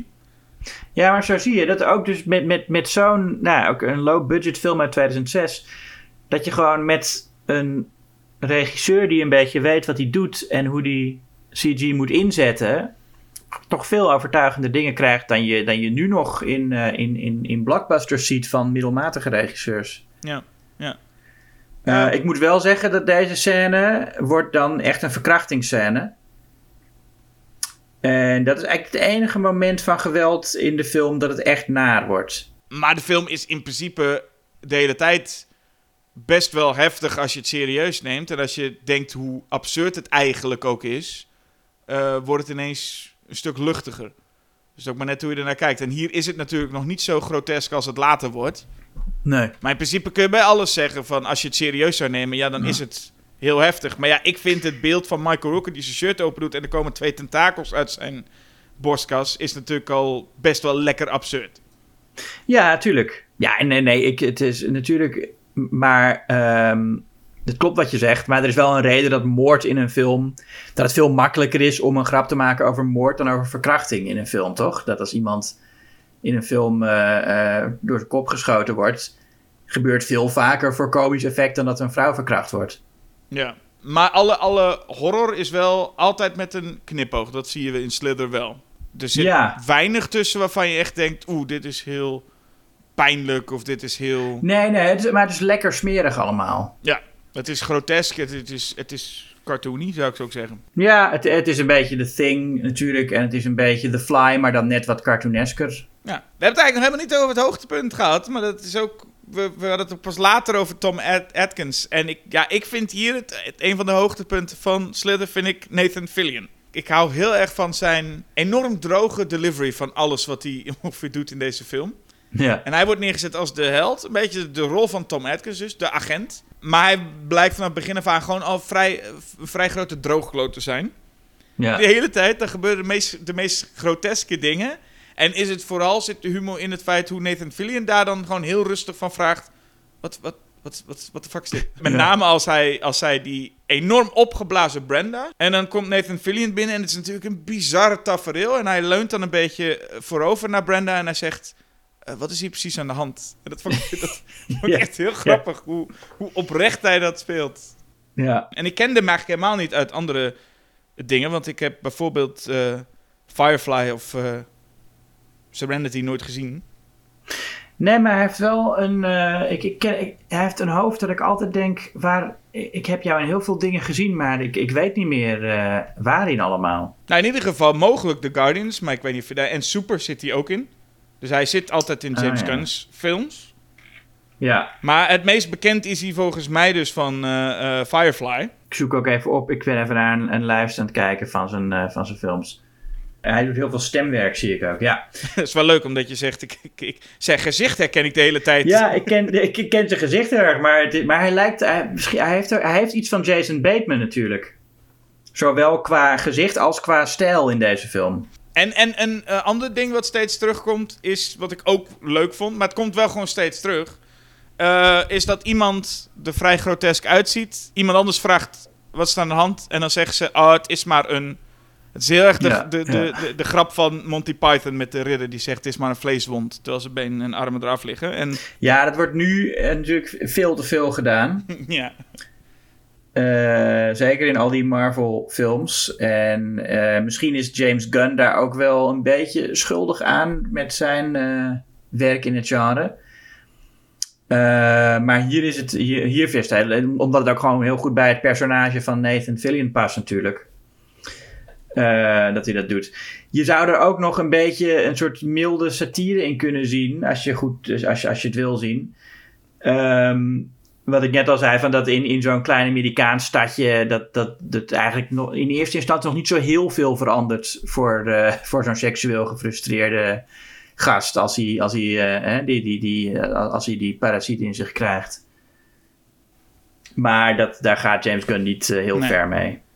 Nee, en het is interessant dat na een half uurtje. We hebben namelijk in een kwartier is die transformatie dus flink op gang. En na een half uurtje weet de politie het al. Dus dat is ook vrij snel en dat is ook fijn. Dan heb je ook al dat je denkt van, oh, dan gaan we niet nu een uur lang krijgen met dat iedereen zit, wat is er aan de hand en niemand gelooft. Het is gewoon, na een half uurtje heeft de hele politie, het hele politiekorps heeft al gezien wat er aan de hand is. En eh, Ja. kunnen zij dus met z'n allen ook gaan, eh, gaan joinen in het onderzoek om gewoon het monster te vangen. Ja, dat gaat heel lekker snel. En, en het wordt ook allemaal heel elegant eh, duidelijk gemaakt op een gegeven moment dat. Dus iedereen die nu zo'n zo'n slak in zich krijgt, wordt ook deel van Michael Rooker. Tenminste, i- iedereen heeft opeens ook zijn herinneringen. en zijn eh, persoonlijkheid als de geïnfecteerde. Ja, als, als die, waar je had het net over de, VF, eh, de effecten. Als de enorm opgezwollen Brenda uit elkaar ploft en die wormen komen. Is dat niet werelds mooiste CGI? Nee, dat is een jammer, een, een jammertje. Dat is een jammertje. Ja, toch, de wormen die eh, eh, zien er niet zo mooi uit. Het, was het selling point van de DVD, als je, als je, of de poster ook. Het is de, iemand die in een badkuip ligt en het zijn vooral die wormen. Die, Ja, nee, die, ja en, dat, nou, goed, die, en die persoon in die badkuip, dat zal dan eh, Kylie zijn natuurlijk. Dat denk ik wel. Die moeten we überhaupt nog leren kennen. Ja, Maar sowieso waren CGI-wormen in die tijd een beetje echt een ding. Want als ik aan, aan, aan Freddy vs. Jason en Dreamcatcher denk, dat was 2003 geloof ik allebei. Waren Ja? dat allemaal films met van die, van die slijmerige CGI-wormen. de Freddy wordt even een vorm. En, eh, ja. Wat mij dus opvalt bij die, bij die badscène ook, is dat die CGI-worm heb je dan. En dan maar bij, bij close-up zie je soms een echte, gewoon een, een, een latex-creatie. Mhm. En dan zie je wel meteen dat het er veel beter uitziet. Ja, klopt. Ja. Ja. Maar het scheelt een hoop tijd, hè? Ja, hoef je niet allemaal echte naaktslakken te trainen. nee, precies. En die, ehm, die Kylie, die, die leren we dus eigenlijk pas best wel laat kennen. En daarna Ja. gaat ook, zie je ook dat James Gunn, dat, dat, dat hij best wel ver durft te gaan. En nou, ja, ver is het misschien niet helemaal het woord. Maar ja, ik weet niet of je zijn Suicide Squad gezien hebt. Nee. Maar ook daarin ehm, zie je ook nog steeds een soort James Gunn die zegt... Oké, jullie zijn allemaal dit gewend. Ik ga net even iets verder. En hier heb je dus ook dat je Kylie eh, ontmoet. Maar je hebt haar familie ook al ontmoet. En dan Kylie die, die wordt aangevallen in het bad. Ontsnapt ten nauwe nood. En dan denk je, oké, nu komt het goed. En dan achter elkaar. Eerst komt die moeder meteen om de hoek zeilen... en tuft haar helemaal onder met bloed. En dan zijn er die twee hele kleine kids... die ook nog vermoord worden... en dan nog liggen te shaken op de grond. Ja, zij probeert, zij, zij wil de broertje en zusje nog redden. Maar eh, dan, dat is wel ook een, echt een, een, een mooi shot. Dat ze die eh, slaapkamer binnenkomt en dat al die slugs over die hele muren zitten. Ja, en dan komt ze, is ze beneden en dan zien we haar vader, zeg maar, voor haar ogen, zeg maar, sterven. Dus als je, als je die scène zo bekijkt, denk je, dit is wel Gun. Het is allemaal wel redelijk komisch gedaan, maar het is toch Gun die de grens opzoekt. Want dat zie je niet in heel veel films waarbij... Het Nee, dat, dat, dat, dat, dat die kinderen doodgaan, dat had je inderdaad, dat eh, zie je niet per se aankomen. Je denkt van, oh, die gaat natuurlijk de broertje en zusje redden. Ja, Eh, ik vond het trouwens, het deed me een beetje aan Arachnophobia denken, die scènes, dat ze daar dus opeens ziet hoeveel ongedierte er in dat ja huis is. ook, met, ook in, in zo'n soort boerderij, landhuis. Ja. En, ehm, en de comedy moet dan nog een beetje terugkomen. En dat is het, waarschijnlijk als ze allemaal als zombie komen. Ehm, want dat is dan ook pas, echt. Dan zijn we echt een uur verder en dan komen mensen ineens terug als zombie. Ja, Nou ja, net als Night of the Creeps is eigenlijk een zombiefilm die pas ergens in de tweede helft van de film ergens met zombies komt. Eigenlijk is het, is, het, is, is, het is The Blob, het is Night of the Creeps. En wat jij zegt, het heeft ook heel erg iets Society, The Thing-achtigs. Ja, zeker hoe aan het einde al die zombies naar Michael Rooker toe gaan en in zijn, eh, in, in, zeg maar in zijn vlees duiken en eh, opgeslurpt worden. Dat is, eh, ja, dat is heel erg Dit moet de favoriete comedy van David Cronenberg ook zijn, toch? Zou je denken. Ja, oh, absoluut. Ja, ja nee, het is, het is, ja, en, het is. Maar ik vind het ook een heel leuk gegeven voor een alien om op deze manier, inderdaad, van je bent, je bent een, een, een, een, een parasiet en dan ga je eerst neem je één iemand over en dan heb je een soort hive mind, dat iedereen die persoon wordt. En dat, dus uiteindelijk is het doel dat iedereen op de aarde wordt gewoon hem. En gaat samenkomen en dan is hij één gigantische blob. ja. Dat is het, eh, het idee. En dat vind ik een heel leuk idee.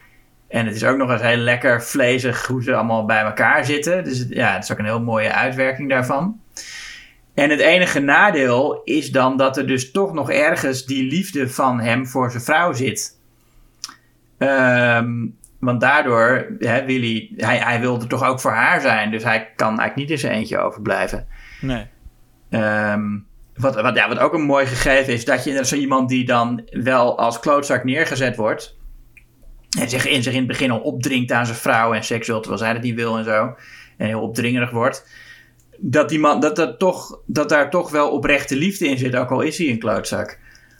En dat dat overeind blijft staan. Dat is eigenlijk best wel een, een menslievend idee van James Gunn ook. Dat zelf zo'n type, zelf zijn liefde is dan nog sterk genoeg om weerstand te bieden aan eh, de parasiet die hem wil overnemen. Ja, en die liefde krijg je eigenlijk nooit echt mee in, het, in dat eerste, die eerste tien minuten van de film. Want het lijkt Mhm. een beetje alsof eh, Grant Grant vooral nogal eh paranoïde is op dat, hij niet met, dat zijn vrouw niet met andere mensen om mag gaan. Want dat is even een hele kleine momentje. Dus ook de, de cameo van James Gunn zelf.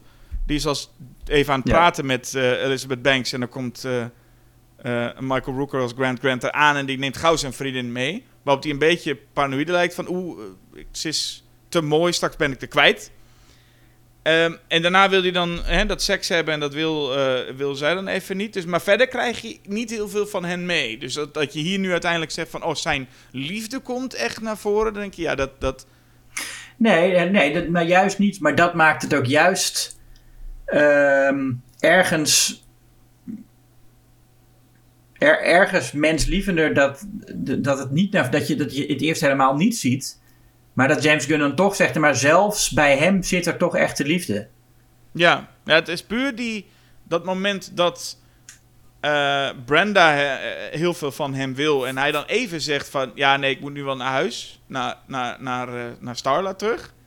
Dat is eigenlijk het enige moment waarop ik echt dacht... wow, hij voelt echt wat voor haar. Ja, en als, als hij begint te huilen. Maar dan, dan heb je ook ergens het gevoel dat hij ook kan huilen omdat hij om, eh, overgenomen is door een buitenaardse eh, Ja, eh, entiteit. Ja. En dat is ook niet een pretje, kan ik me voorstellen. Nee, wat ik, wat ik, dan, wat ik, wat ik echt niet geloof is ehm, hoe zij naar hem is. Hè? Hoe, hoe Elizabeth Banks als Starla ehm, om, om hem geeft. Die liefde, die, die, die geloof ik dan weer niet. Als aan het einde moet ze hem doodschieten. En dan zie je, dan kijkt ze zo naar het gezicht. En dan zie je bij haar dat ze nog denkt van... Oh, maar dit is Grant, mijn echtgenoot. En ik hou van hem. Maar dat heb ik eigenlijk nooit echt gevoeld. Maar inmiddels heb ook, hebben we ook gezien hoe zij een best wel goede flirt met Nathan Fillion heeft. Ja, zeker.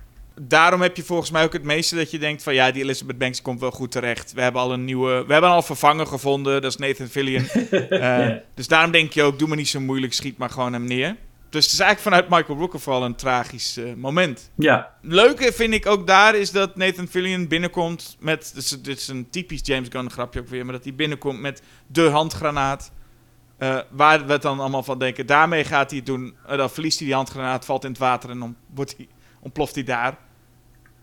En ja. Een heel Ja. klein grapje. En de blik van Nathan Fillion, die, die, die maakt het af. Ja, want hij wilde ook echt binnenkomen met zo'n coole line, hè? Want het, het, dat, de, het monster zegt dan... I've existed for a billion years, think you can fuck with me? En dan komt Nathan Fillion binnen met die handgranaat, zegt hij... Yep. en dan slaat meteen die tentakel die, Ja. die granaat Ja. weg. Ja, en als we trouwens over dat eh, eh, leuke momenten met Nathan Fillion... is ook een moment ergens halverwege de film dat hij over zo'n hekje springt. Dat is een van mijn favoriete momenten ooit. Gewoon Nathan Fillion die over zo'n hekje springt. Want dat moet eigenlijk ook super cool. Maar dat gaat net mis. Maar het is niet heel cartoonesk dat hij helemaal valt. Maar het is gewoon net... Hij gaat er net ongemakkelijk over dat hekje heen. Ja. Nou ja, goed, dan weten ze uiteindelijk de, de, de, de- het, het Michael Rooker monster te verslaan. Door hem op te blazen. En wat ik daarin fijn vond, is dat je vaak ziet dat alle mensen dan weer eh, terugkeren. De- weet je, dan is de, de, de vloek gedaan. En dan zijn mensen allemaal wel. Dan kijken ze een beetje verbaasd om zich heen. Van, oh, wat is mij allemaal gebeurd? Maar hier is het ook gewoon. Iedereen valt gewoon dood neer. Ja, dan is het, eh, is het een heel, heel, heel stadje is uitgeroeid volgens mij. Alleen eh, Kylie en eh, hoe heet ze? Ja, Eh, ja, en, en Elizabeth Banks en Nathan Fillion zijn er nog. En sorry Kylie dat ik de naam van je actrice niet eh, zeg. Tania Sanier. Tania Saulnier, ja. Mocht ze luisteren, heeft ze toch Nou, even... er staat ook op de Wikipedia...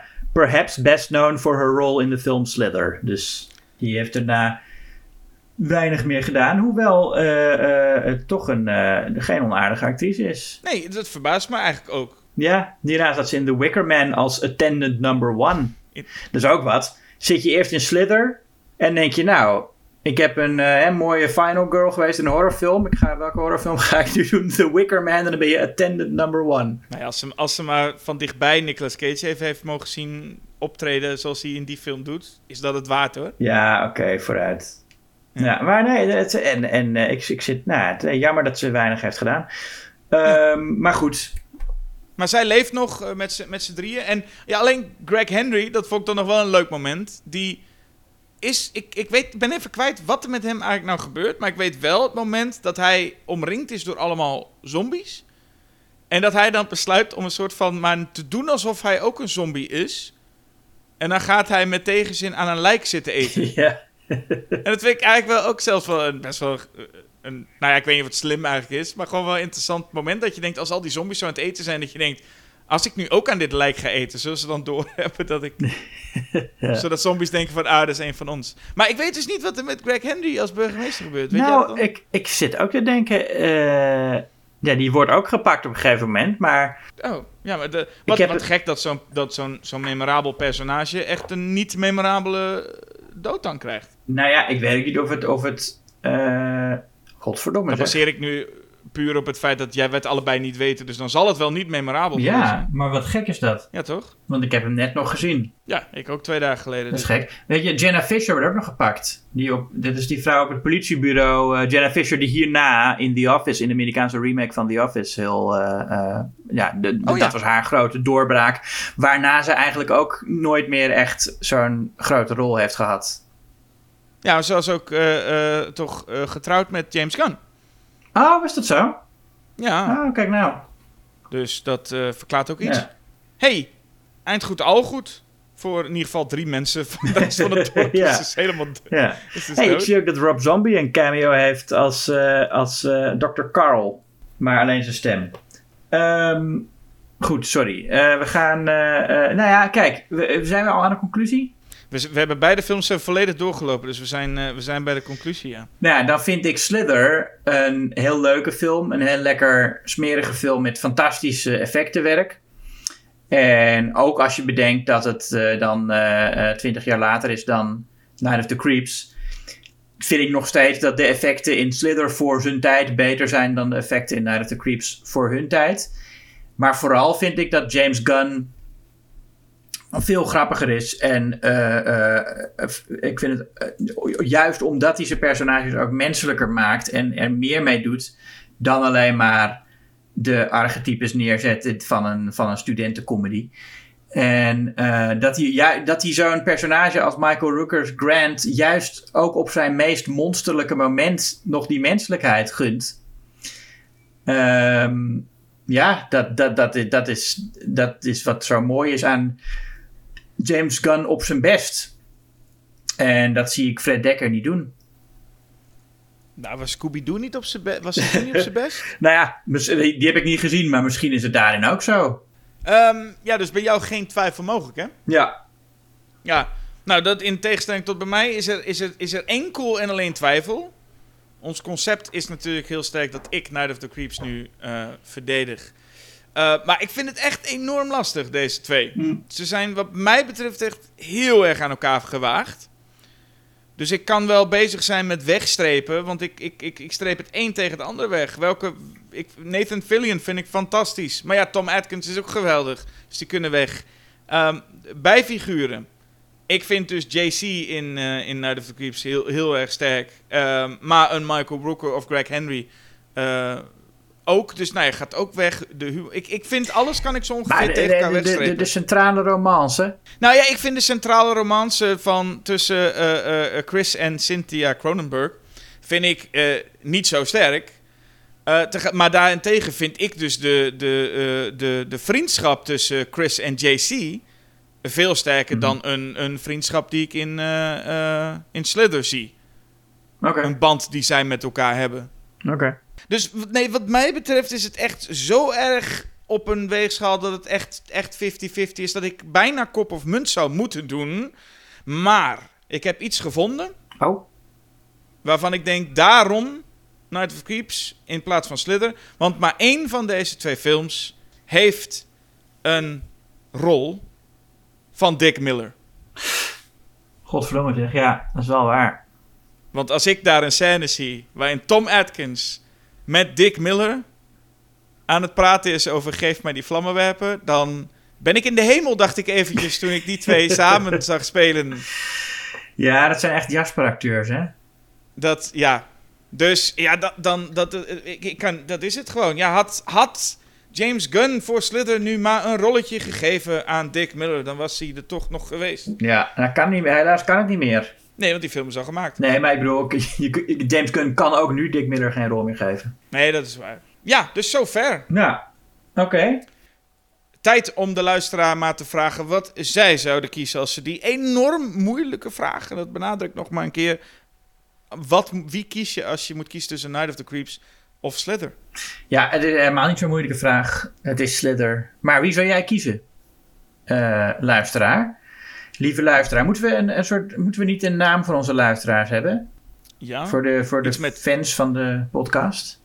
moeten we even over nadenken. De- de- Een naam. Nou ja, een soort, een- best wel, eh, ja, ik zit nou te denken zoals sommige, ja, gewoon een, een, bijnaam voor de Schokkend Nieuws podcast luisteraars. De, onze slakjes of zo. onze ruimtewormen. Nou ja, daar gaan we over nadenken. Laten we daar even over nadenken. Zeg maar hoe, hoe jullie graag genoemd willen worden. Dat mag je Ja. ook eh, zeggen. En eh, Jasper, binnenkort moeten ze ook op onze nieuwe website gaan kijken. Schokkertnieuws.nl. Nu nog de oude website, op het moment dat we dit opnemen. Maar op het moment dat jij hier naar luistert, Ruimteworm, is het misschien al wel eh, de nieuwe website. Nou ja, dat is toch, ja, dat is toch, is toch leuk. Nee, dat is zeker, dat is zeker leuk. Nieuwe website, nieuwe dingen. Eh, eh, dat beloven we. Verder moet je je abonneren op de podcast en op het fysieke tijdschrift Schokkend Nieuws. En je moet overal waar het maar kan liken, subscriben en duimpjes en comments achterlaten. Reviews ook, sterren geven. En het hoeft niet allemaal online, hè. Je mag ook gewoon eh, gezellig op een verjaardag het ook even over schokkend nieuws hebben. Ja, Gewoon fysiek. Spreek elkaar eens aan. Weet je, ben op, op het station. Spreek iemand aan en zeg: hey, heb jij die nieuwe podcast van Schokkend Nieuws, eh nieuwe aflevering als geluisterd? ja. En wat vind jij eigenlijk? Nou, de Creeps of Slither? Leuk gespreksonderwerp. Julius vindt Night het of the Creeps niet leuk. Wat, wat is het nou? Ja, nee, precies. Nee, ik Ja, vind Night of the ook- Creeps wel oké hoor. Ik vind hem, nou ja, een vijf, denk ik. Jezus, jezus. Vijf en een half. Ehm, tot zover Julius' eh, controversiële eh, mening in deze aflevering. Mm. Eh, volgende aflevering wordt het iets anders, denk ik. Ja, ja, Maar het is een jeetje. schatting, het is een, is een inschatting. Hè? Want ik had Ja. zelf namelijk, even terugblikkend op onze vorige aflevering... The Burning tegen Sleepaway Camp, dacht ik... Oh, ik, heb, ik ga het 100% voor Sleepaway Camp opnemen... want ik vind The Burning toch niet zo goed. En ik blijk best wel veel bijval te krijgen. Althans, alle reacties die Ja. ik lees zijn allemaal pro-Sleepaway Camp. Ja, dat valt klopt. mij heel erg mee. Klopt. Ehm, ik weet niet of jij dezelfde bijval krijgt bij Now the Creeps. Ik denk dat dat wel een favoriet is van velen, hoor. Ja, dat denk ik ook. Dus eh, eh, ja, nee, ja, maar goed. eh, volgende aflevering gaan wij, en dat is aflevering nummer 99. Ja, bijzonder. Ja. Gaan wij voor twee, eh, ja, wat is het? Avonturenfilms. Ja, avontuur blockbusters zeg. Avonturen blockbusters met een, met een, met een licht horrorrandje. Nou ja, ja, ja. Eh, ja, daar komt hij. We, gaan het op, we gaan het hebben over Raiders of the Lost Ark. Tegen Pirates of the Caribbean, The Curse of the Black Pearl. Zo. Nou, daar heb ik, daar heb ik dus wel zin in. Nou, mooi. Dat, eh, dat, is, dat is, ik hoop de luisteraar ook. Ja. Ik, ik, ik hoop onze ruimtewormen ook. Ja. Maar voor nu zou ik zeggen, bedankt voor het luisteren naar deze. En tot de volgende keer. Tot volgende keer.